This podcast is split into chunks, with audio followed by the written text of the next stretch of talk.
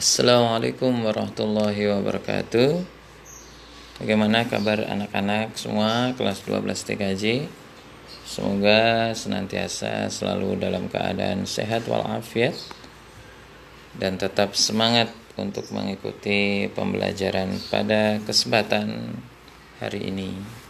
Sebelum Ustadz sampaikan materi tentang fikih sebelumnya karena baru hari ini kita berjumpa di kelas 12 maka Ustadz akan memperkenalkan diri terlebih dahulu.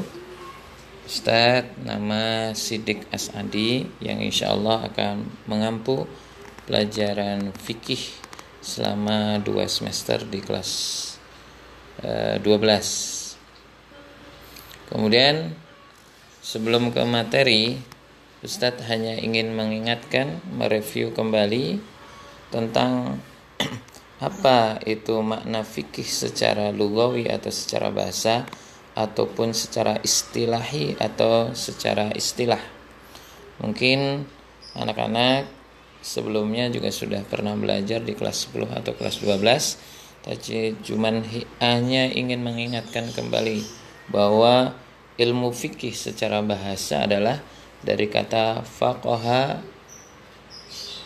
faqaha yafqahu atau fakiha maaf fakiha yafqahu. Atau makna yang lain adalah fahima yafhamu yang bermakna pemahaman. Kemudian secara istilah yaitu ilmu yang mempelajari tentang hukum syariat Islam.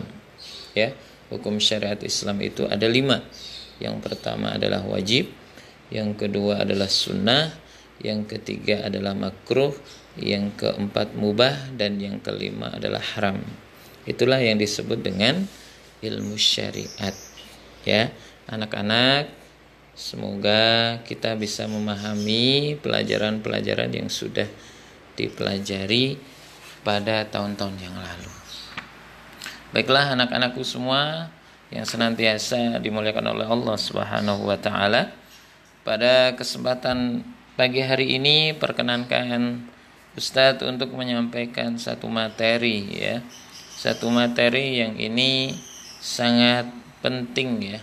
Sangat penting karena ini berkaitan dengan harta atau amwal yang dimiliki oleh seorang muslim pada hakikatnya bahwa harta itu bukan semata-mata milik sepenuhnya bagi seorang muslim, tapi ada bagian orang lain yang berhak untuk mendapatkan sebagian harta yang selama ini Allah titipkan kepada kita. Yaitu dengan cara apa? Yaitu dengan cara zakat, ya, dengan zakat. Maka pada kesempatan pagi hari ini Ustadz akan membahas tentang ilmu zakat.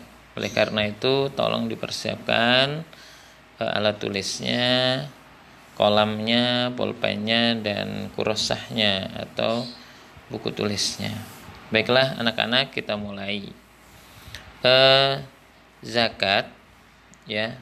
Zakat ini kalau di dalam kitab Amwal ya amwal.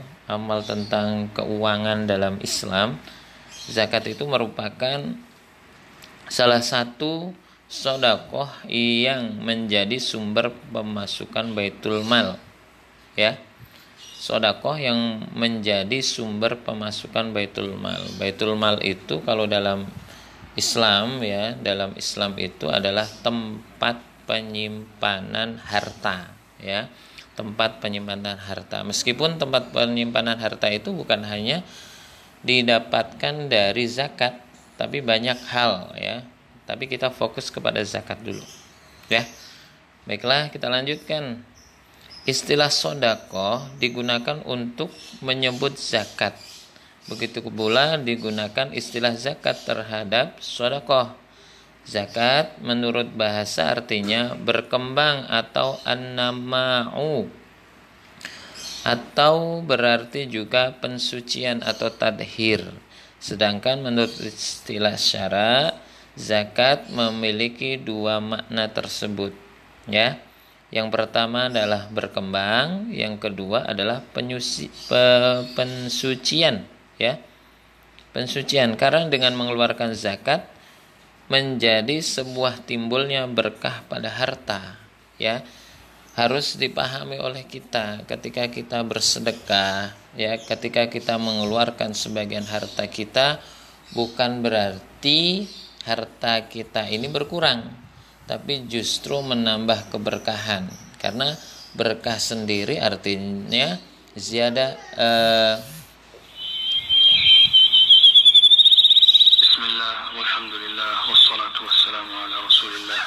ziyadatul khair bil khair. Ya ziyadatul khair bil khair. Seperti hanya yang diriwayatkan uh, oleh hadis riwayat Tirmizi dikatakan manuki malu amdin min sodakotin. Tidak berkurang harta karena sodakoh dikeluarkan zakatnya. Nah ini artinya bahwa ketika kita mengeluarkan zakat pada hakikatnya sesungguhnya harta kita ini bertambah ya di hadapan Allah Subhanahu wa taala. Memang betul kalau kita melihat kita mengeluarkan zakat sekian itu secara kasat mata memang harta kita ini berkurang tapi yang harus dipahami bahwa sesungguhnya di mata Allah Subhanahu wa taala harta yang kita keluarkan ini sesungguhnya adalah tabungan kita nanti di di akhirat dan insya Allah harta yang dikeluarkan oleh kita akan menambah keberkahan dalam kehidupan kita. Mungkin sampai di situ ada yang mau ditanyakan terlebih dahulu? Ya? Tidak ada. Baik, kita lanjutkan. Sebab lain karena zakat itu menambah banyak pahala, mensucikan diri dari sifat bakhil dan membersihkan dari dosa. Ini adalah bagian daripada hikmah dari zakat itu sendiri. Menghilangkan sifat bakhil.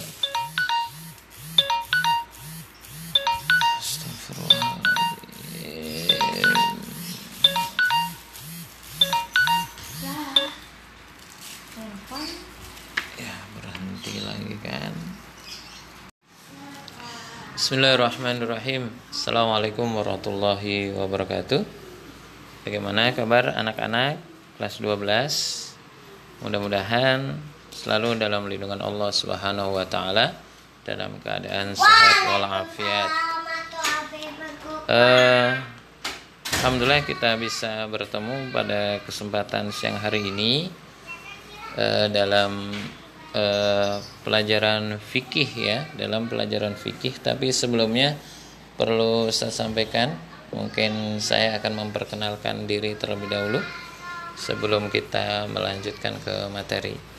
Baik eh, saya nama Sidik Asadi yang insya Allah akan mengapu pelajaran fikih ya selama dua semester ke depan. Baiklah anak-anak semua yang mudah-mudahan tetap semangat meskipun kita belajar online ya tapi mudah-mudahan tidak menyurutkan semangat kita dalam menuntut ilmu. Menuntut ilmu karena Allah insya Allah semuanya akan menjadi berkah. Amin amin ya robbal alamin. Baiklah anak-anak semua eh, sebelum ke materi yang akan Ustaz sampaikan berkaitan dengan zakat tapi perlu saya sampaikan terlebih dahulu mengingat kembali pelajaran-pelajaran yang lalu berkaitan dengan fikih ya ilmu fikih. Ya ilmu fikih ini harus dipahami dulu sebenarnya apa sih ilmu fikih itu. E, ilmu fikih menurut bahasa atau lugawi itu bermakna fakiha yafkahu atau fahima yafhamu yang artinya pemahaman. E, menurut istilah atau istilahi fikih adalah ilmu yang mempelajari tentang hukum-hukum syariah atau ahkam syariah di antara hukum-hukum syariah adalah ada lima ya wajib sunnah makruh mubah dan haram. Ya. Baiklah anak-anak eh, berikutnya kita lanjutkan ke materi pertama ya. Materi pertama ini materi ini cukup penting ya karena berkaitan dengan harta ya, berkaitan dengan harta yang dimiliki oleh seorang muslim ya. Atau eh, berkaitan dengan sodakoh. Tapi sodakoh ini adalah sodakoh wajib. Apa ya kira-kira sodakoh wajib itu? Ada yang tahu anak-anak? Ya sodakoh wajib itu adalah zakat ya. Zakat kita sudah sering dengar ya sudah sering dengar. Oleh karena itu uh, Ustadz pada kesempatan siang hari ini akan menjelaskan tentang zakat. Baiklah uh, zakat menjadi sumber pemasukan baitul mal ya zakat merupakan sumber pemasukan baitul mal nah ini baitul mal kalau ketika apa zaman Rasulullah atau pada masa Khulafaur Rasyidin itu ada baitul mal. Baitul mal itu adalah tempat menyimpan harta. Ya, tempat menyimpan harta itu di antaranya harta itu didapatkan dari zakat. Meskipun bukan hanya dari zakat aja, melainkan banyak banget. Ya, tapi kita fokus kepada zakat terlebih dahulu. Kemudian istilah sodako digunakan untuk menyebut zakat. Begitu pula digunakan istilah zakat terhadap sodako ya zakat menurut bahasa artinya berkembang atau annama'u berarti juga pensucian atau tathir sedangkan menurut istilah syara zakat memiliki dua makna. Karena dengan mengeluarkan zakat menjadi sebab timbulnya berkah pada harta. Ya. Jadi yang perlu dipahami oleh kita ya dipahami oleh kita bahwa ketika seorang muslim ya ketika seorang muslim ini mengeluarkan zakat ya bukan berarti kita mengurangi harta kita. Tidak tapi justru harta zakat ini adalah harta yang sesungguhnya yang dimiliki oleh seorang muslim. Dan bukan berarti berkurang tidak. Justru ketika kita mengeluarkan zakat harta kita ini secara syaratnya akan bertambah bahkan bisa menghapus dosa. Nah ini maka zakat ini e, penting ya dan harus dilakukan oleh seorang muslim yang memang memiliki harta untuk dikeluarkan zakatnya ya bahkan juga dikatakan akan sebab timbulnya berkah pada harta.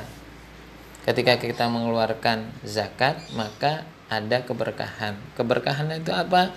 Ziyadatul khair bil khair, bertambahnya kebaikan dengan kebaikan. Ketika kita berbuat baik, maka Allah akan menurunkan kebaikan buat kita.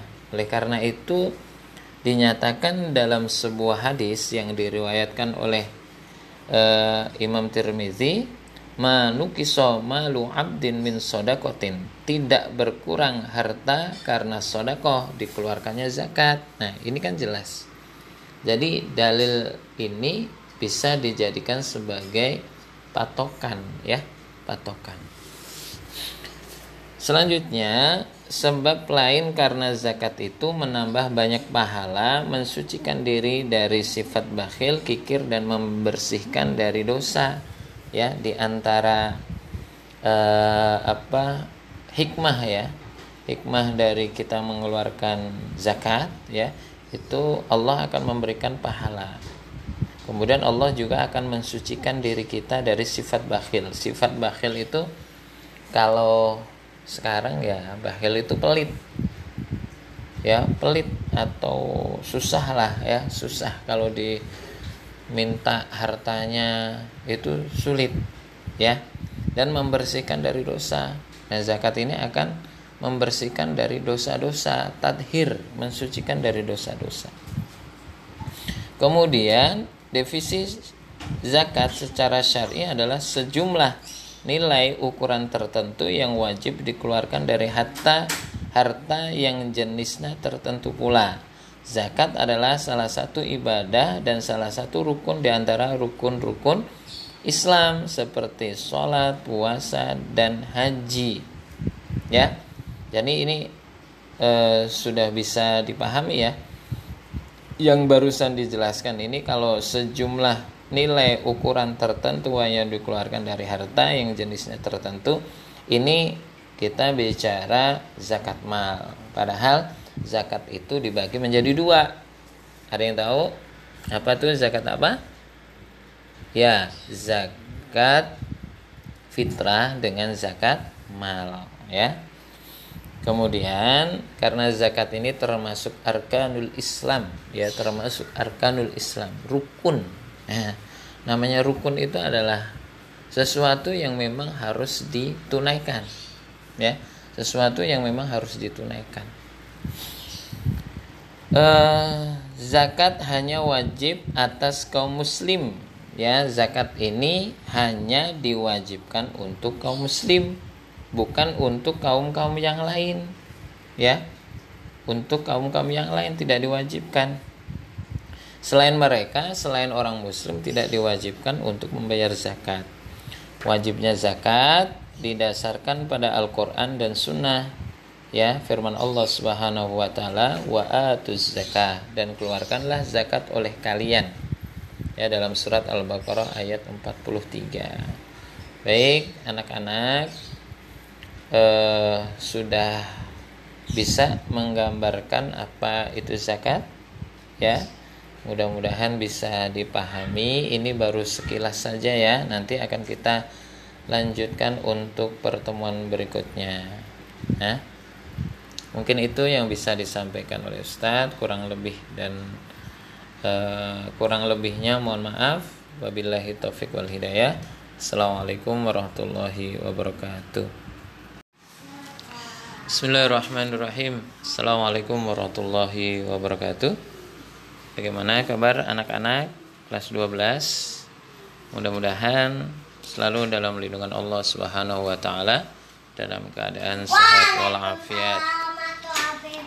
Uh, Alhamdulillah kita bisa bertemu pada kesempatan siang hari ini uh, dalam uh, pelajaran fikih ya, dalam pelajaran fikih tapi sebelumnya perlu saya sampaikan Mungkin saya akan memperkenalkan diri terlebih dahulu sebelum kita melanjutkan ke materi. Baik, eh, saya nama Sidik Asadi yang insya Allah akan mengapu pelajaran fikih ya selama dua semester ke depan. Baiklah, anak-anak semua yang mudah-mudahan tetap semangat meskipun kita belajar online ya tapi mudah-mudahan tidak menyurutkan semangat kita dalam menuntut ilmu. Menuntut ilmu karena Allah insya Allah semuanya akan menjadi berkah. Amin amin ya robbal alamin. Baiklah anak-anak semua eh, sebelum ke materi yang akan Ustaz sampaikan berkaitan dengan zakat tapi perlu saya sampaikan terlebih dahulu mengingat kembali pelajaran-pelajaran yang lalu berkaitan dengan fikih ya ilmu fikih. Ya ilmu fikih ini harus dipahami dulu sebenarnya apa sih ilmu fikih itu. Uh, ilmu fikih menurut bahasa atau lugawi itu bermakna fakiha yafkahu atau fahima yafhamu yang artinya pemahaman uh, menurut istilah atau istilahi Fikih adalah ilmu yang mempelajari tentang hukum-hukum syariah atau ahkam syariah. Di antara hukum-hukum syariah adalah ada lima ya wajib, sunnah, makruh, mubah dan haram.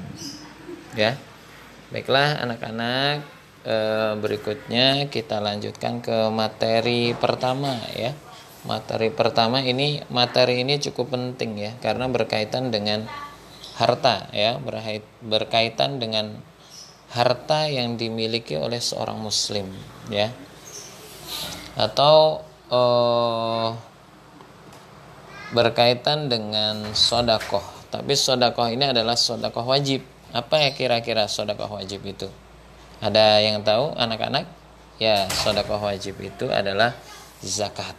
Ya, zakat kita sudah sering dengar ya, sudah sering dengar. Oleh karena itu, uh, Ustadz pada kesempatan siang hari ini akan menjelaskan tentang zakat. Baiklah, uh, zakat menjadi sumber pemasukan baitul mal, ya. Zakat merupakan sumber pemasukan baitul mal. Nah ini baitul mal kalau ketika apa zaman Rasulullah atau pada masa Khulafaur Rasyidin itu ada Baitul Mal. Baitul Mal itu adalah tempat menyimpan harta. Ya, tempat menyimpan harta itu di antaranya harta itu didapatkan dari zakat meskipun bukan hanya dari zakat aja melainkan banyak banget ya tapi kita fokus kepada zakat terlebih dahulu kemudian Istilah sodako digunakan untuk menyebut zakat. Begitu pula digunakan istilah zakat terhadap sodako. Ya, zakat menurut bahasa artinya berkembang atau an-nama'u. Berarti juga pensucian atau tathir. Sedangkan menurut istilah syara, zakat memiliki dua makna. Karena dengan mengeluarkan zakat menjadi sebab timbulnya berkah pada harta ya jadi yang perlu dipahami oleh kita ya dipahami oleh kita bahwa ketika seorang muslim ya ketika seorang muslim ini mengeluarkan zakat ya bukan berarti kita mengurangi harta kita. Tidak. Tapi justru harta zakat ini adalah harta yang sesungguhnya yang dimiliki oleh seorang muslim. Dan bukan berarti berkurang. Tidak. Justru ketika kita mengeluarkan zakat harta kita ini secara syaratnya akan bertambah. Bahkan bisa menghapus dosa. Nah ini maka zakat ini e, penting ya dan harus dilakukan oleh seorang muslim yang memang memiliki harta untuk dikeluarkan zakatnya ya bahkan juga dikatakan akan sebab timbulnya berkah pada harta. Ketika kita mengeluarkan zakat, maka ada keberkahan. Keberkahan itu apa? Ziyadatul khair bil khair, bertambahnya kebaikan dengan kebaikan. Ketika kita berbuat baik, maka Allah akan menurunkan kebaikan buat kita.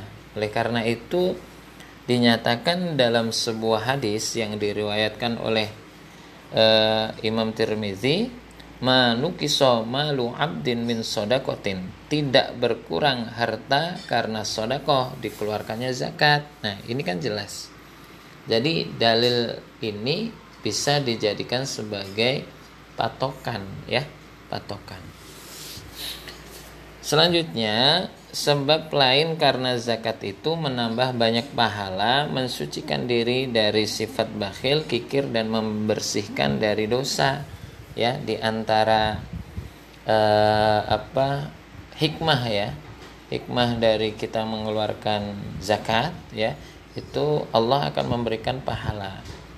Kemudian Allah juga akan mensucikan diri kita dari sifat bakhil. Sifat bakhil itu kalau sekarang ya bakhil itu pelit ya pelit atau susah lah ya susah kalau diminta hartanya itu sulit ya dan membersihkan dari dosa nah zakat ini akan membersihkan dari dosa-dosa tadhir mensucikan dari dosa-dosa kemudian defisit zakat secara syar'i adalah sejumlah nilai ukuran tertentu yang wajib dikeluarkan dari harta harta yang jenisnya tertentu pula.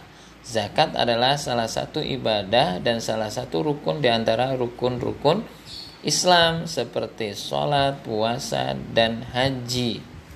Ya, jadi ini e, sudah bisa dipahami ya. Yang barusan dijelaskan ini kalau sejumlah nilai ukuran tertentu yang dikeluarkan dari harta yang jenisnya tertentu ini kita bicara zakat mal. Padahal zakat itu dibagi menjadi dua. Ada yang tahu? Apa tuh zakat apa? Ya zakat fitrah dengan zakat mal ya Kemudian karena zakat ini termasuk arkanul Islam, ya termasuk arkanul Islam, rukun. Nah, namanya rukun itu adalah sesuatu yang memang harus ditunaikan, ya sesuatu yang memang harus ditunaikan. Uh, zakat hanya wajib atas kaum muslim, ya zakat ini hanya diwajibkan untuk kaum muslim bukan untuk kaum-kaum yang lain ya. Untuk kaum-kaum yang lain tidak diwajibkan. Selain mereka selain orang muslim tidak diwajibkan untuk membayar zakat. Wajibnya zakat didasarkan pada Al-Qur'an dan sunnah ya. Firman Allah Subhanahu wa taala wa atuz zakah dan keluarkanlah zakat oleh kalian ya dalam surat Al-Baqarah ayat 43 baik anak-anak eh, sudah bisa menggambarkan apa itu zakat ya. Mudah-mudahan bisa dipahami. Ini baru sekilas saja ya. Nanti akan kita lanjutkan untuk pertemuan berikutnya nah mungkin itu yang bisa disampaikan oleh Ustadz. Kurang lebih dan uh, kurang lebihnya mohon maaf. Wabillahi taufik wal hidayah. Assalamualaikum warahmatullahi wabarakatuh Bismillahirrahmanirrahim Assalamualaikum warahmatullahi wabarakatuh Kaifahalukum Mudah-mudahan senantiasa dalam lindungan Allah Subhanahu wa taala dan senantiasa dalam keadaan sehat walafiat. Alhamdulillah pada kesempatan pagi hari ini kita masih bisa berjumpa di apa nih? Ini di podcast ya, di podcast mudah-mudahan uh, meskipun kita uh, apa melalui via ya melalui via podcast ini tidak mengurangi rasa semangat kita dalam menuntut ilmu. Ya anak-anak semua jangan lupa mengisi absennya. Ya jangan lupa mengisi absennya. Dan uh, apa e, menyiapkan buku tulisnya, LKS-nya, alat tulis yang lainnya untuk e, apa menulis apa yang seharusnya ditulis oleh anak-anak semua. Baiklah anak-anak pada kesempatan pagi hari ini kita akan belajar Al-Qur'anul Hadis ya, Al-Qur'anul Hadis. Sebelumnya kita pernah belajar di kelas 8, kelas 7 ya.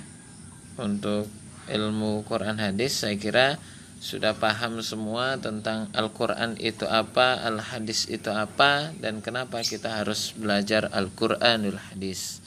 Baiklah anak-anak semua pada kesempatan yang baik ini dan bahagia ini kita akan melanjutkan materi di kelas 9 ini materi yang pertama kita akan bicara tentang hukum bacaan mat.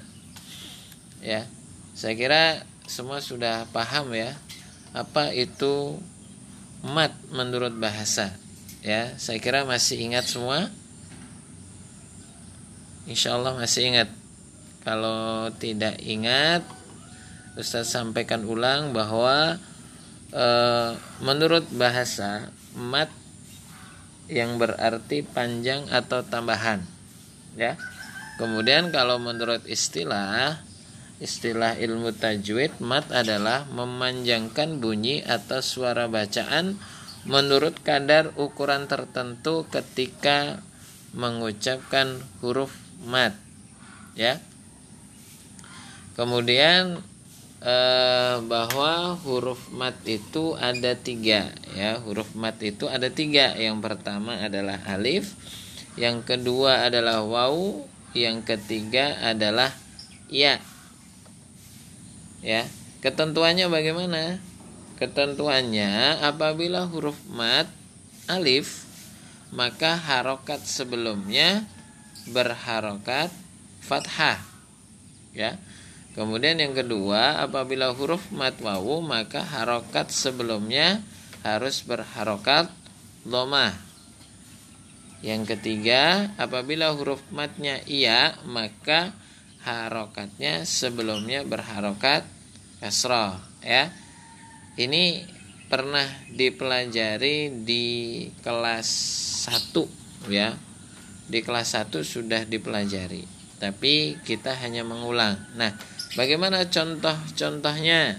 Contoh eh, apa huruf mat alif. Ya apa? Kira-kira apa? Ada yang tahu? Oke Ustadz berikan contoh. Kola. Ya kola.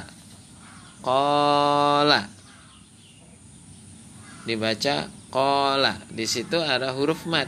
Apa huruf matnya? Alif. Dan sebelum alif berharokat fathah kemudian yang kedua yaqulu yaqulu yaqulu nah di situ ada huruf waw dan sebelumnya berharokat lom lommah Kemudian yang berikutnya qila qila qila. Di situ ada huruf ya. Sebelumnya berharokat kasrah ya. Nah itu huruf mat. Jadi ada tiga diulangi lagi huruf mat ada tiga alif wawu dan ya. Nah, sampai di situ mungkin ada pertanyaan yang ingin ditanyakan oleh anak-anak semua? Baik, kalau tidak ada kita lanjutkan untuk macam-macam mat ya. Sebenarnya mat itu dibagi menjadi dua ya. Mat itu dibagi menjadi dua. Yang pertama adalah mat tobi'i atau mat asli.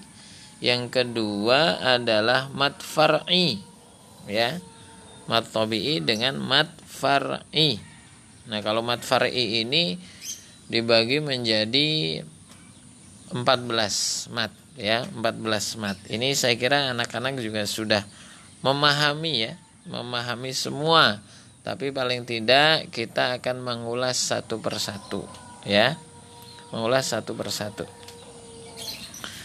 eh, yang pertama yang akan kita bahas di semester ini ini tidak kita bahas semua dulu ya satu persatu kita akan bahas satu dulu. Dalam pertemuan ini kita akan bahas satu dulu. Yang akan kita bahas adalah mat lazim musaqal kilmi. Ya, mat lazim musaqal kilmi. Ya, mat lazim musaqal kilmi ini adalah jika terdapat mat tobi'i bertemu huruf yang bertasjid dalam satu kata.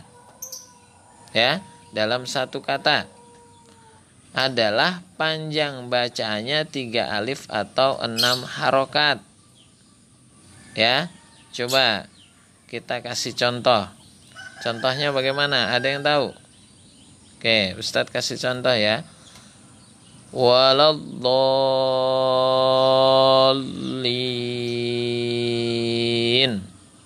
ya. Diulangi. Waladdallin.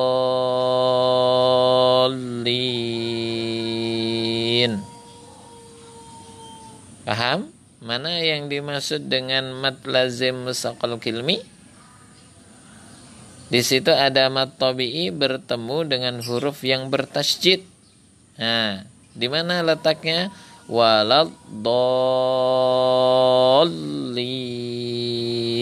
Nah, itu dibaca tiga alif atau enam harokat. Mana huruf mat tabi'inya? Nah, di situ ada alif ya. Ada alif. Baik.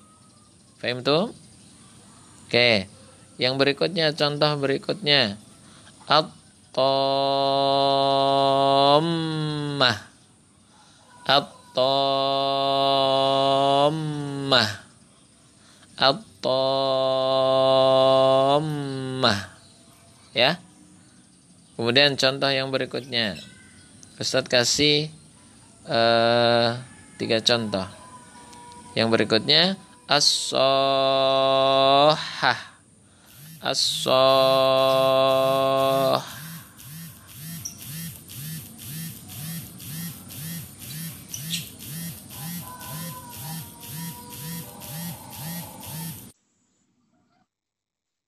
Halo, Assalamualaikum. Halo. Salam. Hah? Ya. Apa?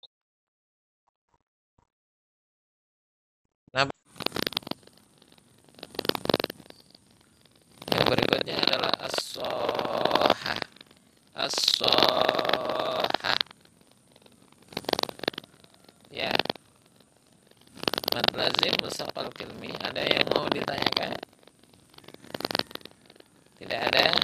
Baik anak-anak Untuk pertemuan pagi hari ini kita cukupkan Mudah-mudahan apa yang sudah disampaikan bisa dipahami dengan baik oleh anak-anak semua Dan akan jauh lebih baik kalau anak-anak mempraktekkan hukum bacaan matlazim musaqal kilmi dalam membaca Al-Quran. Baik anak-anak tetap semangat dalam belajar. Kita akan berjumpa lagi di kesempatan minggu depan Terima kasih syukran lakum. Wassalamualaikum warahmatullahi wabarakatuh. Bismillahirrahmanirrahim. Assalamualaikum warahmatullahi wabarakatuh.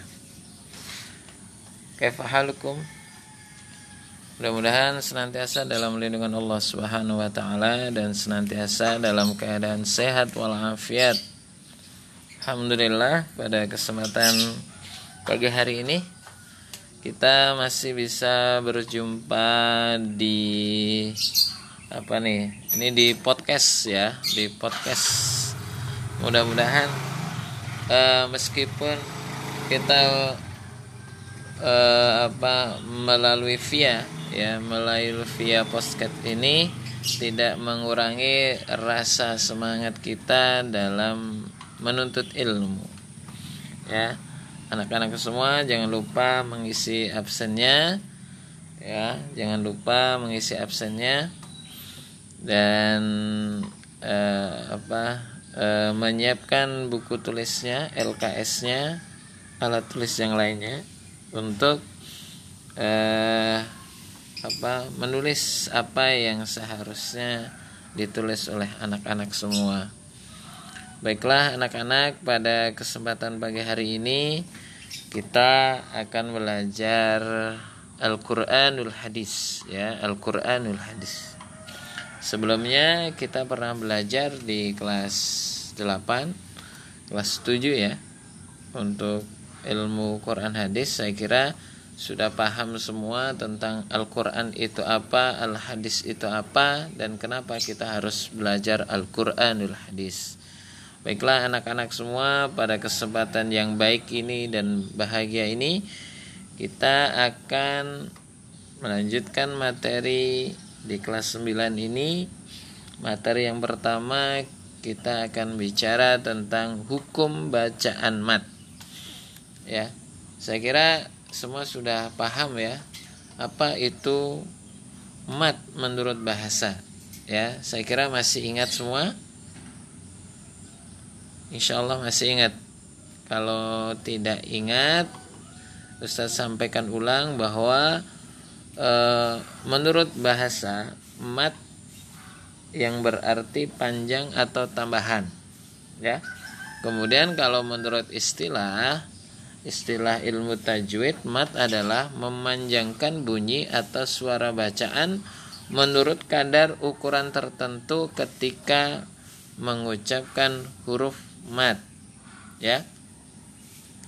Kemudian eh, bahwa huruf mat itu ada tiga ya huruf mat itu ada tiga yang pertama adalah alif yang kedua adalah waw yang ketiga adalah ya ya ketentuannya bagaimana ketentuannya apabila huruf mat alif maka harokat sebelumnya berharokat fathah. Ya. Kemudian yang kedua apabila huruf mat wawu maka harokat sebelumnya harus berharokat lomah yang ketiga apabila huruf matnya iya maka harokatnya sebelumnya berharokat kasroh ya. Ini pernah dipelajari di kelas 1 ya di kelas 1 sudah dipelajari tapi kita hanya mengulang. Nah bagaimana contoh-contohnya? Contoh eh, apa huruf mat alif ya apa? Kira-kira apa? Ada yang tahu? Oke Ustadz berikan contoh. Kola ya kola kola. Dibaca kola di situ ada huruf mat apa huruf matnya alif. Dan sebelum alif berharokat fathah. Kemudian yang kedua. Yaqulu. Yaqulu. Yaqulu. Nah di situ ada huruf waw dan sebelumnya berharokat lom lommah. Kemudian yang berikutnya. Qila. Qila. Qila di situ ada huruf ya. Sebelumnya berharokat kasroh ya. Nah itu huruf mat. Jadi ada tiga diulangi lagi. Huruf mat ada tiga alif wawu dan ya. Nah, sampai di situ mungkin ada pertanyaan yang ingin ditanyakan oleh anak-anak semua?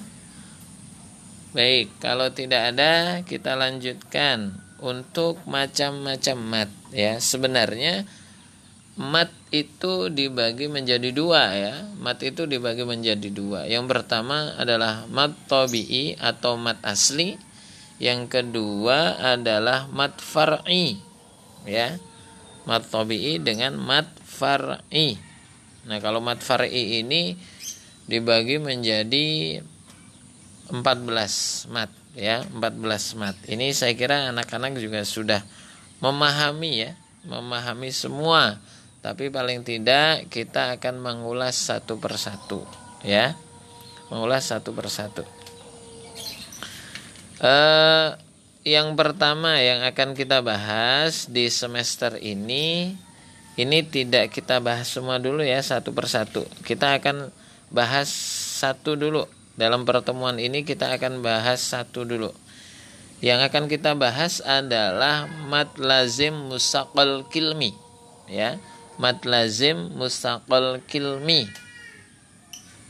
Ya, mat lazim musaqal kilmi ini adalah jika terdapat mat tobi'i bertemu huruf yang bertasjid dalam satu kata. Ya, dalam satu kata adalah panjang bacaannya tiga alif atau enam harokat. Ya coba kita kasih contoh. Contohnya bagaimana? Ada yang tahu? Oke Ustadz kasih contoh ya. Waladhdallin ya diulangi waladhdallin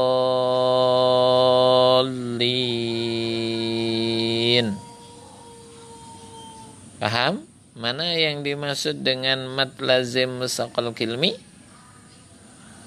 Di situ ada mat tabi'i bertemu dengan huruf yang bertasjid.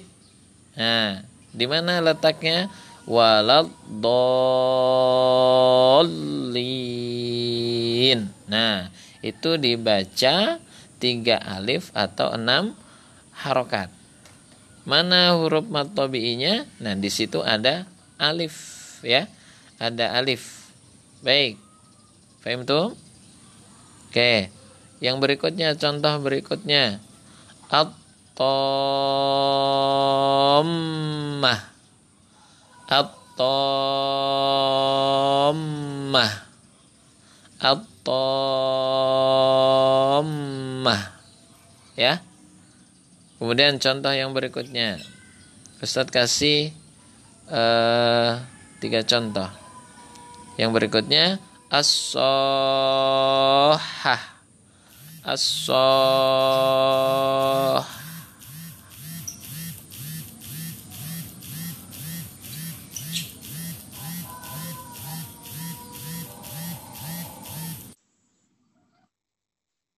Halo, Assalamualaikum.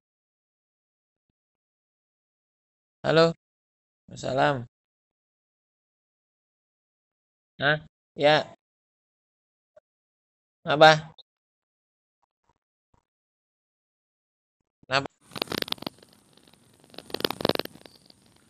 Yang berikutnya adalah. As-soha. Ya.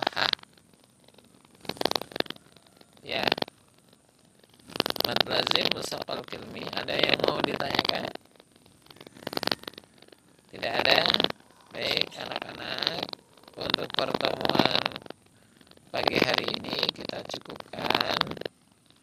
Mudah-mudahan apa yang sudah disampaikan bisa dipahami dengan baik oleh anak-anak semua dan akan jauh lebih baik kalau anak-anak mempraktekkan hukum bacaan mat lazim musaqal kilmi dalam membaca Al-Quran. Baik, anak-anak tetap semangat dalam belajar. Kita akan berjumpa lagi di kesempatan minggu depan. Terima kasih, syukran lakum. Wassalamualaikum warahmatullahi wabarakatuh. Bismillahirrahmanirrahim. Assalamualaikum warahmatullahi wabarakatuh. Bagaimana kabarnya anak-anak semua? Semoga dalam keadaan sehat walafiat. Alhamdulillah kita bisa bertemu lagi dalam kesempatan pagi hari ini. Setelah kita melaksanakan PTS ya penilaian tengah semester. Mudah-mudahan hasilnya bagus dan memuaskan ya. Hasil itu akan dilihat bagaimana ikhtiar kita ya ikhtiar anak-anak dalam belajar menghadapi ujian. Baik anak-anak pada kesempatan pagi hari ini kita akan melanjutkan ya akan melanjutkan uh, pelajaran Al-Qur'anul Hadis ya yang bab ketiga bab ketiga tentang jujur dalam bermuamalah ya. Ini sebenarnya sudah kita bahas sebelumnya. Tapi uh, kita akan lanjutkan ya. Nanti anak-anak bisa buka eh, LKS-nya ya. Halaman 50 halaman 50 ini berkaitan dengan hadis Nabi yang menjelaskan tentang muamalah ya tentang muamalah. Hadisnya seperti ini bunyinya A'udzubillahi minasyaitonirrajim. Bismillahirrahmanirrahim. Ana Hasan ibni Ali qala hafidhu min Rasulillah sallallahu alaihi wasallam da' ma yaribuka ila ma la yaribuka fa inna sidqa itma'ninatun wa innal kadhiba ribatun. Rawahu tirmizi. Artinya dari Hasan bin Ali berkata Aku telah menghafal dari Rasulullah Shallallahu Alaihi Wasallam. Tinggalkanlah sesuatu yang meragukanmu, kerjakanlah sesuatu yang tidak meragukanmu. Sesungguhnya kejujuran adalah ketenangan dan kedustaan adalah keraguan. Hadis riwayat Tirmizi. Sebenarnya hadis ini hadis yang masyhur ya. Hadis yang dikutip dari hadis Arba'in atau hadis uh, Arba'in Nawawiyah ya.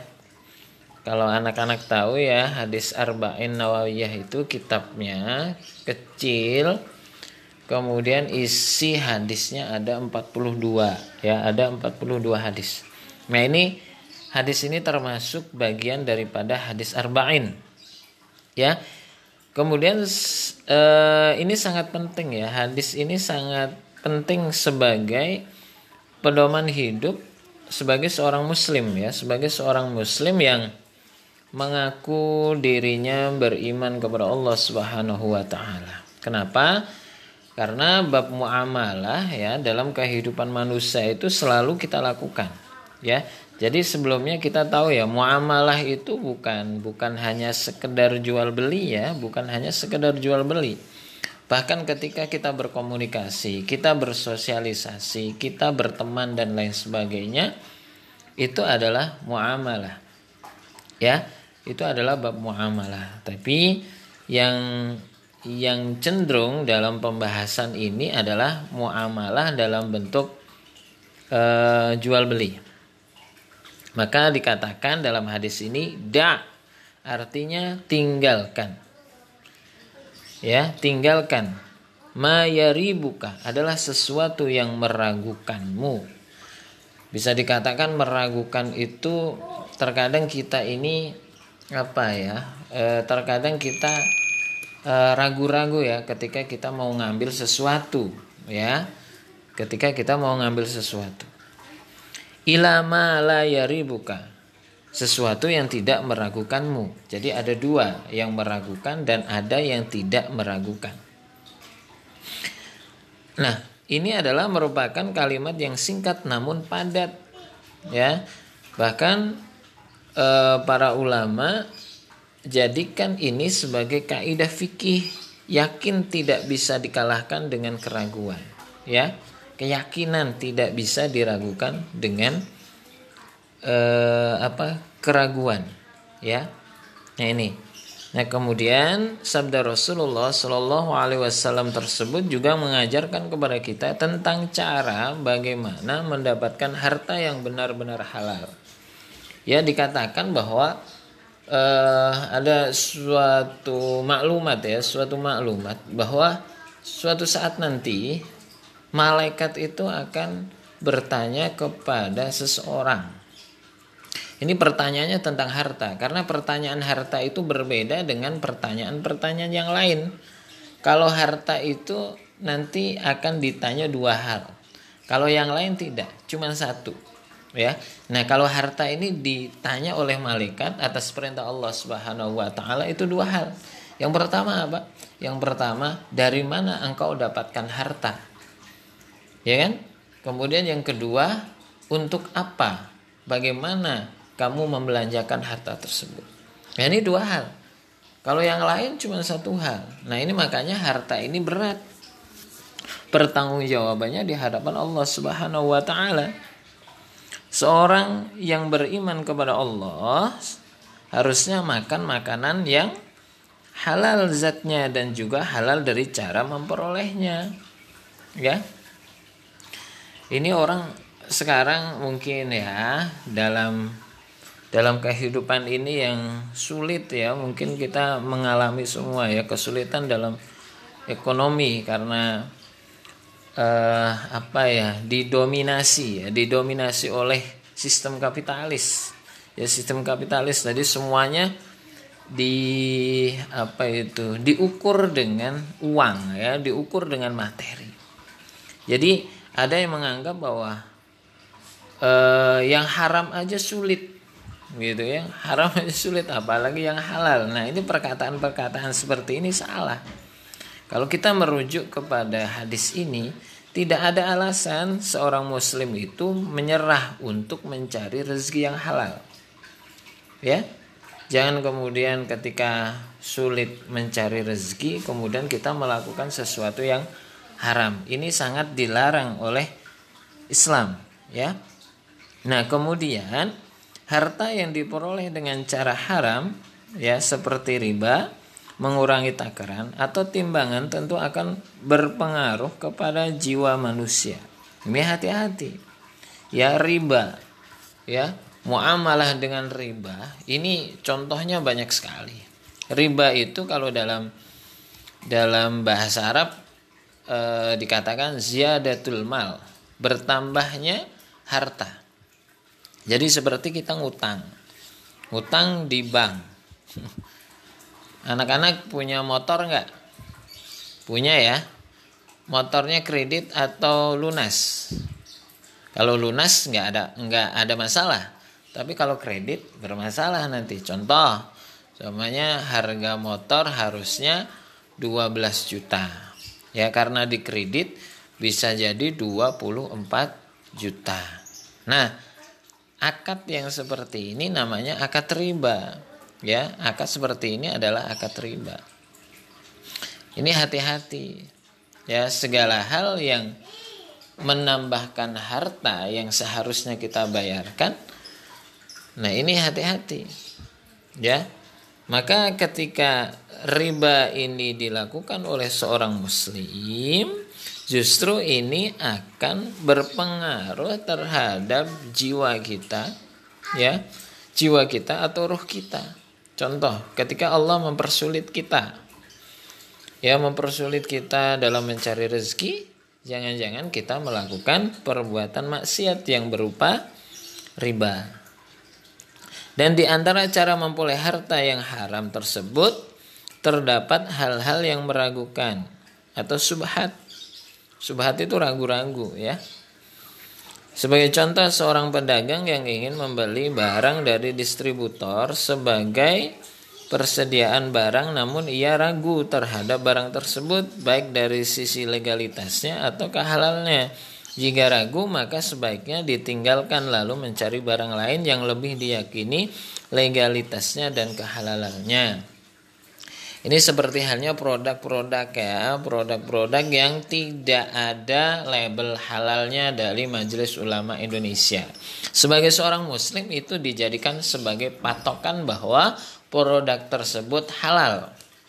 Kalau tidak ada itu, maka hukumnya subhat. Kalau bisa subhat itu lebih baik ditinggalkan ya lebih baik ditinggalkan daripada kita menggunakan tapi dalam keragu raguan. Gitu ya. Itulah yang disebut sebagai subhat. Orang yang beriman hendaknya meninggalkan apa yang meragukan karena hal tersebut dapat menenangkan dan menenteramkan jiwa.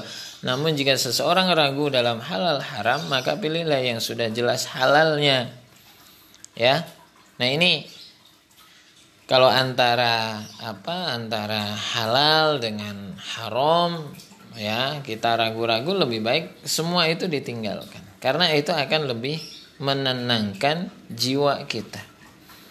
Seperti yang dalam lanjutan hadis tersebut fa tuma'ninatun wa innal. Berarti sesungguhnya kejujuran itu ketenangan dan dusta itu adalah keraguan. Jika seseorang ragu pada sebuah pilihan, maka hendaknya ia bertanya kepada orang yang lebih fakih dalam memahami agama. Dengan demikian dia tidak akan terombang-ambing dan merasa gelisah karena keraguan dalam perbuatannya. Kejujuran mencari harta juga akan membawa kepada kebahagiaan dalam ketenangan hidupnya. Ya, ini uh, Allah itu mempunyai sifat ar-razak. Ya, ar-razak itu adalah maha pemberi rezeki. Ya, meskipun setiap manusia Bahkan binatang melata pun Allah kasih rezeki. Kita nggak kerja pun kita Allah akan kasih rezeki. Kita akan dijamin oleh Allah kasih rezeki. Tapi apa yang seharusnya dilakukan oleh makhluk Allah Subhanahu wa taala manusia itu yaitu berikhtiar untuk menjemput rezeki tersebut. Meskipun Allah sudah menjamin rezeki kita masing-masing. Tapi paling tidak ada ikhtiar baik kita untuk menjemput rezeki tersebut. Baik, dalam hal muamalah pada dasarnya hukumnya adalah ibaha atau boleh ya, kecuali ada dalil yang melarangnya.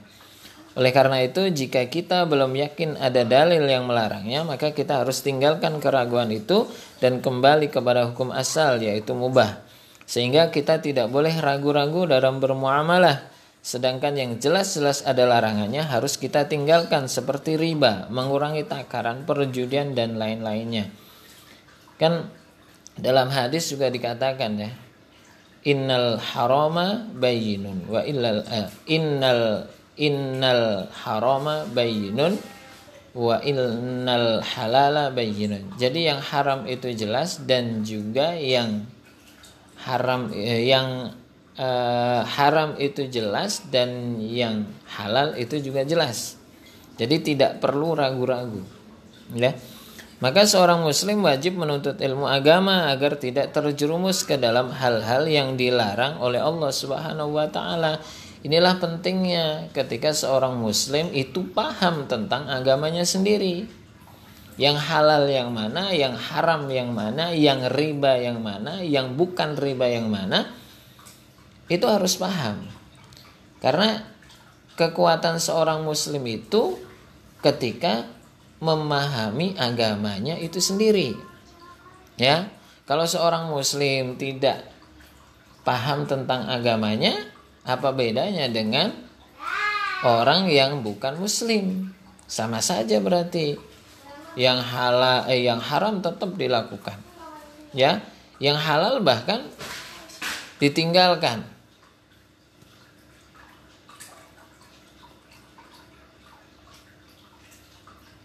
Nah, ini yang kemudian eh, penting ya penting sekali seorang muslim memahami agamanya sendiri ya. Larangan Allah yang terus menerus dikerjakan akan membuat hati gelisah was-was dan tidak tenang di dalam kehidupannya ya. Dan pada akhirnya akan menjerumuskan dirinya ke jurang kebinasaan. Ya betul. Ketika seseorang di dunia ya di dunia melakukan sesuatu yang haram mungkin tidak terlihat ya, tidak terlihat secara fisik.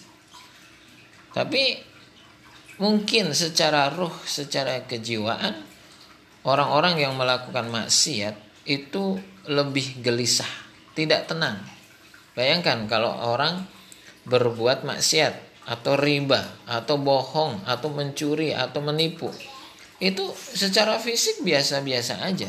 Tapi kita lihat, mungkin kita nggak melihat ya, tapi uh, orang yang melakukan hal itu, itu hatinya selalu gelisah, selalu tidak tenang, makan tidak enak dan lain sebagainya.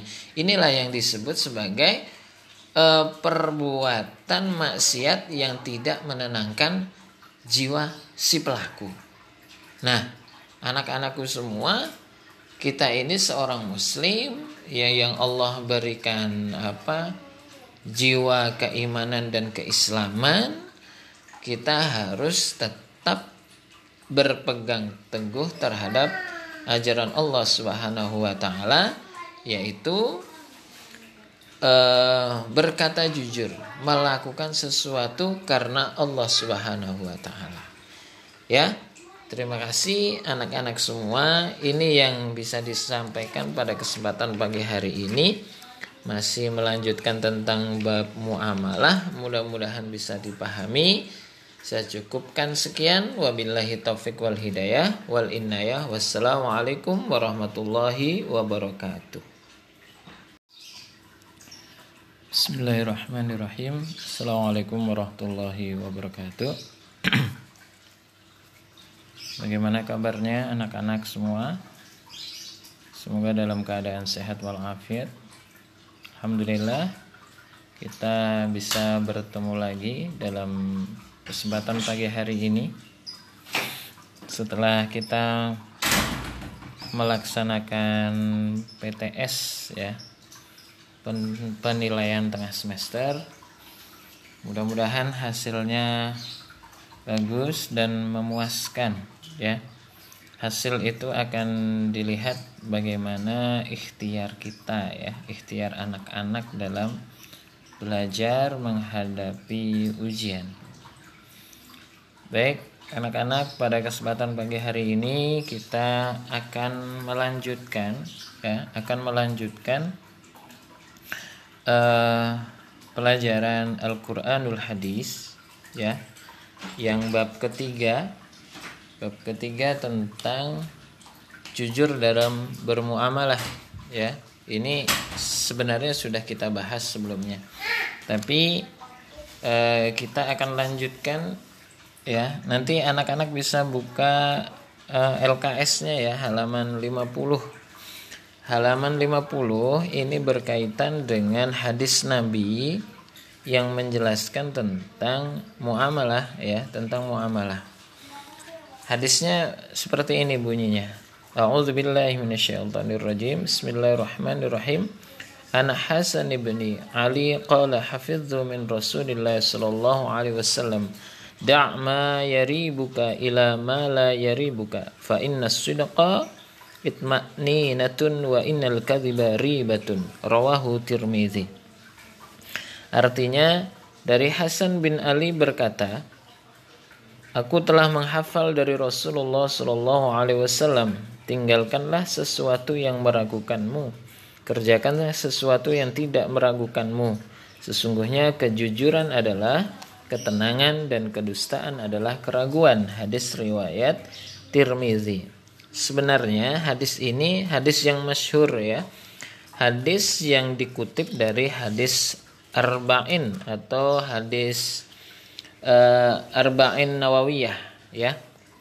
Kalau anak-anak tahu ya, hadis Arba'in Nawawiyah itu kitabnya kecil. Kemudian isi hadisnya ada 42 ya, ada 42 hadis.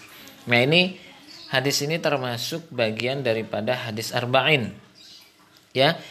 Kemudian uh, ini sangat penting ya. Hadis ini sangat penting sebagai pedoman hidup sebagai seorang muslim ya, sebagai seorang muslim yang mengaku dirinya beriman kepada Allah Subhanahu wa taala. Kenapa? Karena bab muamalah ya dalam kehidupan manusia itu selalu kita lakukan ya. Jadi sebelumnya kita tahu ya muamalah itu bukan bukan hanya sekedar jual beli ya, bukan hanya sekedar jual beli. Bahkan ketika kita berkomunikasi, kita bersosialisasi, kita berteman dan lain sebagainya, itu adalah muamalah. Ya, itu adalah bab muamalah. Tapi yang yang cenderung dalam pembahasan ini adalah muamalah dalam bentuk uh, jual beli. Maka dikatakan dalam hadis ini da artinya tinggalkan ya tinggalkan. Mayaribuka adalah sesuatu yang meragukanmu. Bisa dikatakan meragukan itu terkadang kita ini apa ya e, terkadang kita e, ragu-ragu ya ketika kita mau ngambil sesuatu ya. Ketika kita mau ngambil sesuatu. Ilama la yaribuka sesuatu yang tidak meragukanmu. Jadi ada dua yang meragukan dan ada yang tidak meragukan. Nah, ini adalah merupakan kalimat yang singkat namun padat. Ya. Bahkan e, para ulama jadikan ini sebagai kaidah fikih yakin tidak bisa dikalahkan dengan keraguan. Ya. Keyakinan tidak bisa diragukan dengan eh, apa keraguan ya. Nah ini. Nah kemudian sabda Rasulullah Shallallahu Alaihi Wasallam tersebut juga mengajarkan kepada kita tentang cara bagaimana mendapatkan harta yang benar-benar halal. Ya dikatakan bahwa eh, ada suatu maklumat ya suatu maklumat bahwa suatu saat nanti malaikat itu akan bertanya kepada seseorang ini pertanyaannya tentang harta, karena pertanyaan harta itu berbeda dengan pertanyaan-pertanyaan yang lain. Kalau harta itu nanti akan ditanya dua hal. Kalau yang lain tidak, cuma satu. Ya. Nah, kalau harta ini ditanya oleh malaikat atas perintah Allah Subhanahu wa taala itu dua hal. Yang pertama apa? Yang pertama, dari mana engkau dapatkan harta? Ya kan? Kemudian yang kedua, untuk apa? Bagaimana kamu membelanjakan harta tersebut. Nah, ini dua hal. Kalau yang lain cuma satu hal. Nah, ini makanya harta ini berat. Pertanggungjawabannya di hadapan Allah Subhanahu wa taala. Seorang yang beriman kepada Allah harusnya makan makanan yang halal zatnya dan juga halal dari cara memperolehnya. Ya. Ini orang sekarang mungkin ya dalam dalam kehidupan ini yang sulit ya mungkin kita mengalami semua ya kesulitan dalam ekonomi karena eh, apa ya didominasi ya didominasi oleh sistem kapitalis. Ya sistem kapitalis tadi semuanya di apa itu diukur dengan uang ya diukur dengan materi. Jadi ada yang menganggap bahwa eh, yang haram aja sulit gitu ya. Haram aja sulit apalagi yang halal. Nah ini perkataan-perkataan seperti ini salah. Kalau kita merujuk kepada hadis ini tidak ada alasan seorang muslim itu menyerah untuk mencari rezeki yang halal. Ya? Jangan kemudian ketika sulit mencari rezeki kemudian kita melakukan sesuatu yang haram. Ini sangat dilarang oleh Islam ya. Nah kemudian harta yang diperoleh dengan cara haram ya seperti riba mengurangi takaran atau timbangan tentu akan berpengaruh kepada jiwa manusia. Ini hati-hati. Ya riba ya muamalah dengan riba ini contohnya banyak sekali. Riba itu kalau dalam dalam bahasa Arab e, dikatakan ziyadatul mal, bertambahnya harta. Jadi seperti kita ngutang. Ngutang di bank. Anak-anak punya motor nggak? Punya ya. Motornya kredit atau lunas? Kalau lunas nggak ada nggak ada masalah.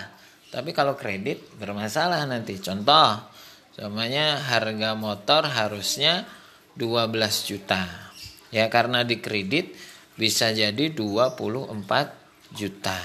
Nah, akad yang seperti ini namanya akad riba. Ya, akad seperti ini adalah akad riba. Ini hati-hati.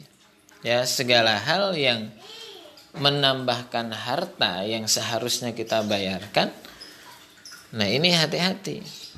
Ya, maka ketika riba ini dilakukan oleh seorang muslim, justru ini akan berpengaruh terhadap jiwa kita, ya, jiwa kita atau roh kita.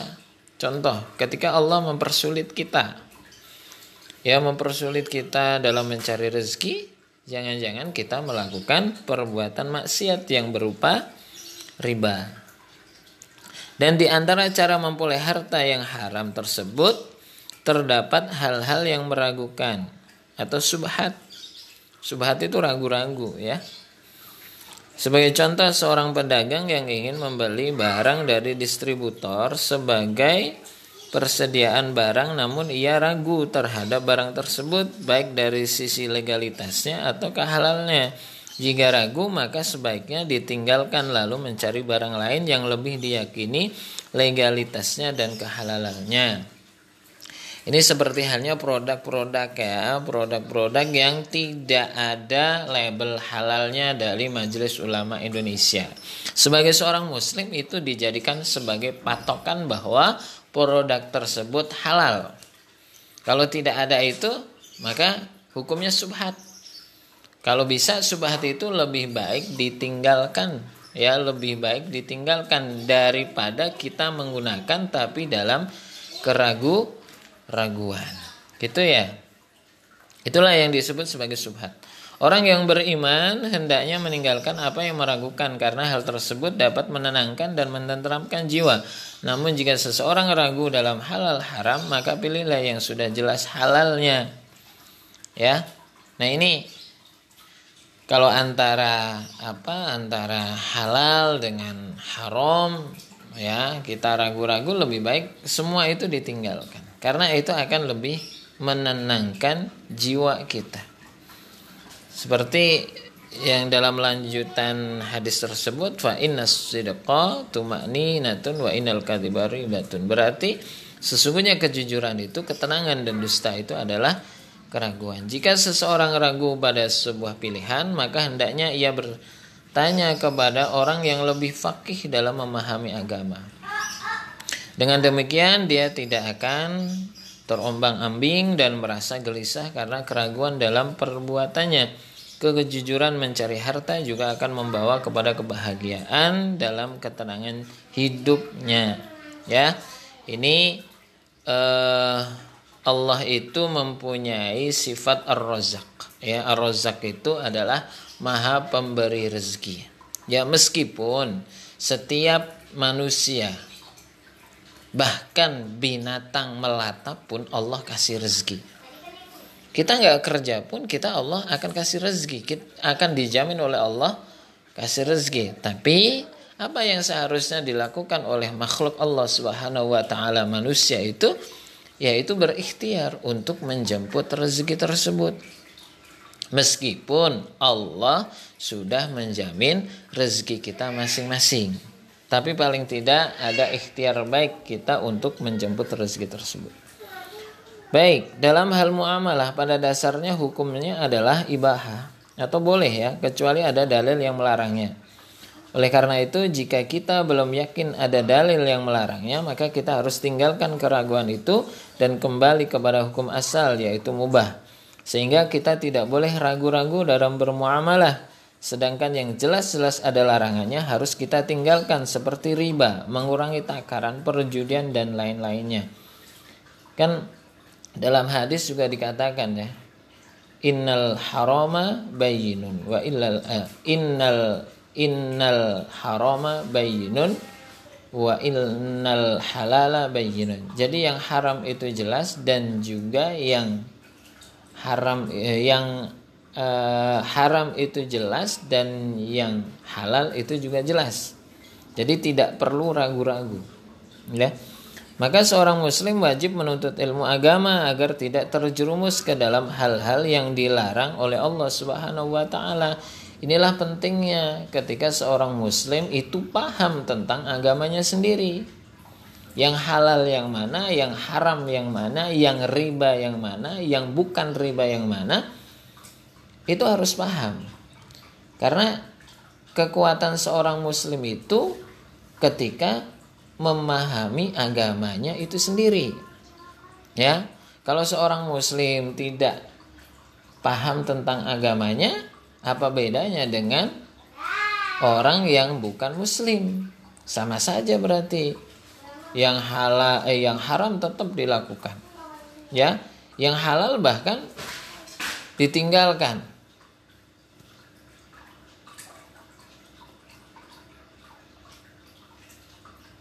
Nah, ini yang kemudian uh, penting ya, penting sekali seorang muslim memahami agamanya sendiri, ya. Larangan Allah yang terus-menerus dikerjakan akan membuat hati gelisah, was-was dan tidak tenang di dalam kehidupannya ya dan pada akhirnya akan menjerumuskan dirinya ke jurang kebinasaan. Ya betul, ketika seseorang di dunia ya di dunia melakukan sesuatu yang haram mungkin tidak terlihat ya tidak terlihat secara fisik. Tapi mungkin secara ruh secara kejiwaan orang-orang yang melakukan maksiat itu lebih gelisah tidak tenang. Bayangkan kalau orang berbuat maksiat atau riba atau bohong atau mencuri atau menipu itu secara fisik biasa-biasa aja. Tapi kita lihat. Mungkin kita nggak melihat ya. Tapi uh, orang yang melakukan hal itu itu hatinya selalu gelisah. Selalu tidak tenang. Makan tidak enak dan lain sebagainya. Inilah yang disebut sebagai uh, perbuatan maksiat yang tidak menenangkan jiwa si pelaku. Nah anak-anakku semua kita ini seorang muslim ya yang Allah berikan apa jiwa keimanan dan keislaman kita harus tetap berpegang teguh terhadap ajaran Allah Subhanahu wa taala yaitu uh, berkata jujur melakukan sesuatu karena Allah Subhanahu wa taala.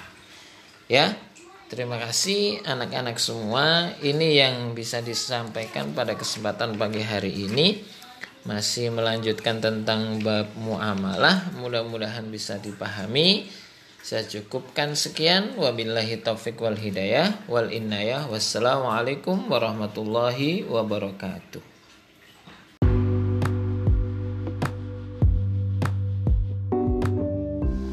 Bismillahirrahmanirrahim. Assalamualaikum warahmatullahi wabarakatuh. Bagaimana kabar anak-anak semua? Mudah-mudahan senantiasa dalam keadaan sehat walafiat Dan selalu dalam lindungan Allah subhanahu wa ta'ala. Uh, Baik anak-anak yang dimuliakan Allah Subhanahu wa taala pada kesempatan pagi hari ini materi Quran hadis. Kita lanjutkan masih berkaitan dengan uh, infak dan sedekah di jalan Allah Subhanahu wa taala. Kemudian kita masuk kepada hadis yang kedua. Ya anak-anak bisa lihat halaman 45 dalam LKS ya hadisnya yang berbunyi an Hakim bin Himaz radhiyallahu anhu anin Nabi sallallahu alaihi wasallam qala al yadul ulya khairun min al yadis sufla. Wabda biman ta'ul wa khairus sadaqati an dhuhri ghina wa man yasta'fif uqiffahu u'iffahu Allah wa man yastaghni yughnihi Allah rawahul Bukhari wa Muslim. Dari Hakim bin Hizam radhiyallahu anhu dari Nabi sallallahu alaihi wasallam beliau sallallahu alaihi wasallam bersabda tangan yang di atas lebih baik daripada tangan yang di bawah. Dan mulailah dari orang-orang yang menjadi tanggunganmu.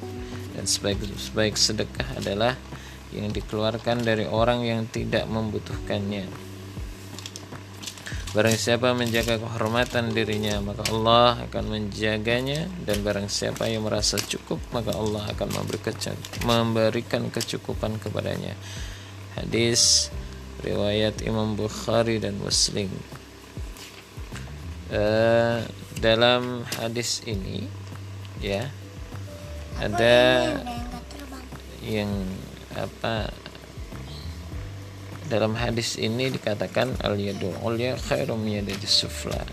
Ya ini hadis ini sudah masyur ya. Kita suka mendengar ya apa maksud dari hadis tersebut ya hadis tersebut yang mempunyai maksud orang yang memberi lebih baik daripada orang yang menerima.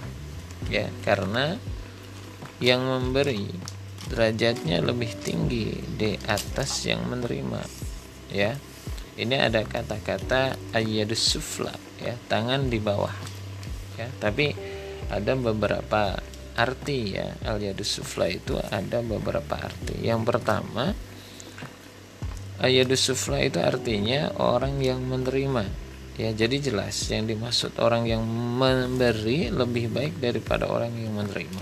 Hadis ini tidak melarang ya tidak melarang pemberian orang lain. Bila seseorang memberikan hadiah kepadanya maka dia boleh menerimanya. Contoh yang terjadi pada sahabat Umar bin Khattab radhiyallahu anhu ketika itu Umar bin Khattab menolak pemberian daripada baginda Rasulullah Shallallahu Alaihi Wasallam. Maka beliau bersabda kepadanya khudhu wa ma ja'aka min hadal mal wa anta khairu musyrifin wa la yasail.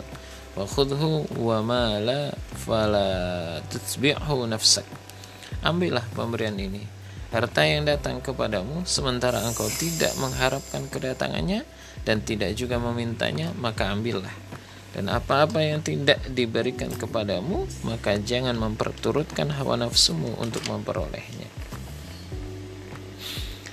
Uh, ini Eh, juga kita memberikan infak kepada orang fakir miskin dan orang itu berhak menerima maka fakir miskin boleh menerimanya. Ya kemudian arti al yadus sufla yang kedua yaitu orang-orang yang meminta-minta sebagaimana dalam sabda Nabi Shallallahu alaihi wasallam al yadul ulya khairum min al yadus sufla al yadul ulya hiyal munfiqah was sufla hiya sa'ilah. Tangan yang di atas lebih baik daripada tangan yang di bawah. Tangan di atas yaitu orang yang memberi infak dan tangan di bawah yaitu orang-orang yang meminta-minta ya kita tahu ya dalam syariat menjadi seorang pengemis itu ya dalam syariat itu sangat dilarang ya sangat dilarang bahkan bisa dikatakan seorang pengemis itu menghinakan diri di hadapan Allah Subhanahu wa taala dan juga di hadapan para manusia. Ya. Nah, sesuatu yang dilarang itu boleh dilakukan kecuali terpaksa. Ya, kecuali terpaksa. Sabda Rasulullah Shallallahu Alaihi Wasallam, "Ma yazalur rasu, ma yazalur rajulu yas'alan nas, yas'alun nas." Hatta ya'ti yaumal qiyamati laisa fi wajhi muz'atul lahmi. Seseorang senantiasa meminta-minta kepada orang lain sehingga ia akan datang pada hari kiamat dalam keadaan tidak ada sepotong daging pun di wajahnya. Nah, ini gambaran ya, gambaran bagi orang-orang yang meminta-minta ya seperti pengemis. Ini larangan keras ya. Kenapa? Ya Allah masih memberikan kesehatan fisik kita, kesehatan roh kita, jiwa kita untuk senantiasa berusaha mencari nafkah tanpa meminta-minta. Ini bahkan digambarkan ya dalam ya, dalam hadis tersebut ketika hari kiamat orang-orang yang meminta-minta itu tidak ada sepotong daging pun di wajahnya. Alhamdulillah subhanallah. Mudah-mudahan kita anak-anak kita semua senantiasa dijauhkan dari perbuatan ini. Amin. Kemudian dalam hadis yang lain, man sa'ala min ghairi fakrin faka'annama ya'kulul jah jamra Barang siapa meminta-minta kepada orang lain tanpa adanya kebutuhan, maka seolah-olah ia memakan bara api. Ini yang kedua. Ya. Kemudian eh, apa meminta-minta karena adanya kebutuhan yang sangat mendesak maka boleh karena terpaksa wabda biman ta'ul dan mulailah dari orang yang menjadi tanggunganmu. Maksudnya Bila kita ingin memberikan sesuatu, hendaknya kita memulai dari orang-orang yang menjadi tanggungan kita, yakni yang wajib kita nafkahi, seperti keluarga, seorang ayah, seorang suami memberikan nafkah kepada istri dan anak-anaknya. Karena menafkahi keluarga merupakan sedekah, mengeluarkan hu menguatkan hubungan keluarga dan menjaga kesucian diri, maka itulah yang lebih utama. Kemudian dilanjutkan wa khairus sadaqati an zahrin dan sebaik-baik sedekah adalah yang dikeluarkan dari orang yang tidak membutuhkannya. Maksudnya sedekah yang paling baik adalah diberikan kepada keluarganya, fakir miskin dan sedekah tersebut berasal dari kelebihan harta setelah keperluan terpenuhi. Artinya setelah dia memenuhi keperluan keluarganya, baru kemudian yang disedekahkan kepada fakir miskin atau orang yang sangat membutuhkan. Wa may yasta'fif yu'ifahullah. Barang siapa menjaga kehormatan dirinya dari kejelekan maka Allah akan menjaganya. Wa may yastaghni yughnihillahu. Barang siapa merasa cukup dengan karunia Allah maka Allah akan mencukupinya.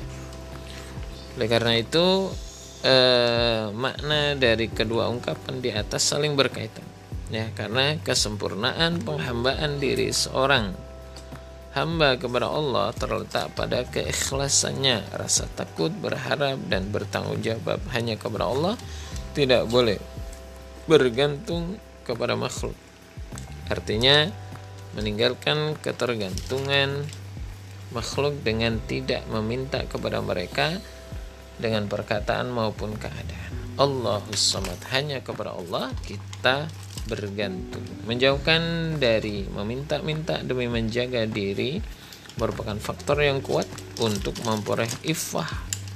Ya, ifah itu adalah kesucian diri dan izah kemuliaan di hadapan Allah Subhanahu wa taala.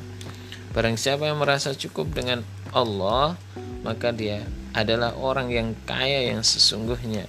Walaupun penghasilannya sedikit dengan ifah kesucian diri dan merasa bercukupan maka Allah maka akan terwujud kehidupan yang baik bagi orang bagi seorang hamba. Nikmat dunia dan kona'ah merasa puas atas apa yang Allah berikan kepada kita oleh karena itu apa yang Allah berikan kita syukuri sebagaimana firman Allah Subhanahu wa taala dalam surah Ibrahim ayat 7 Bismillahirrahmanirrahim. Wa itta'azzana rabbukum la in syakartum la azidannakum wa la in kafartum inna azabi lasyadid jika kita bersyukur ya bersyukur atas nikmat yang Allah berikan kepada kita maka Allah akan menambahnya.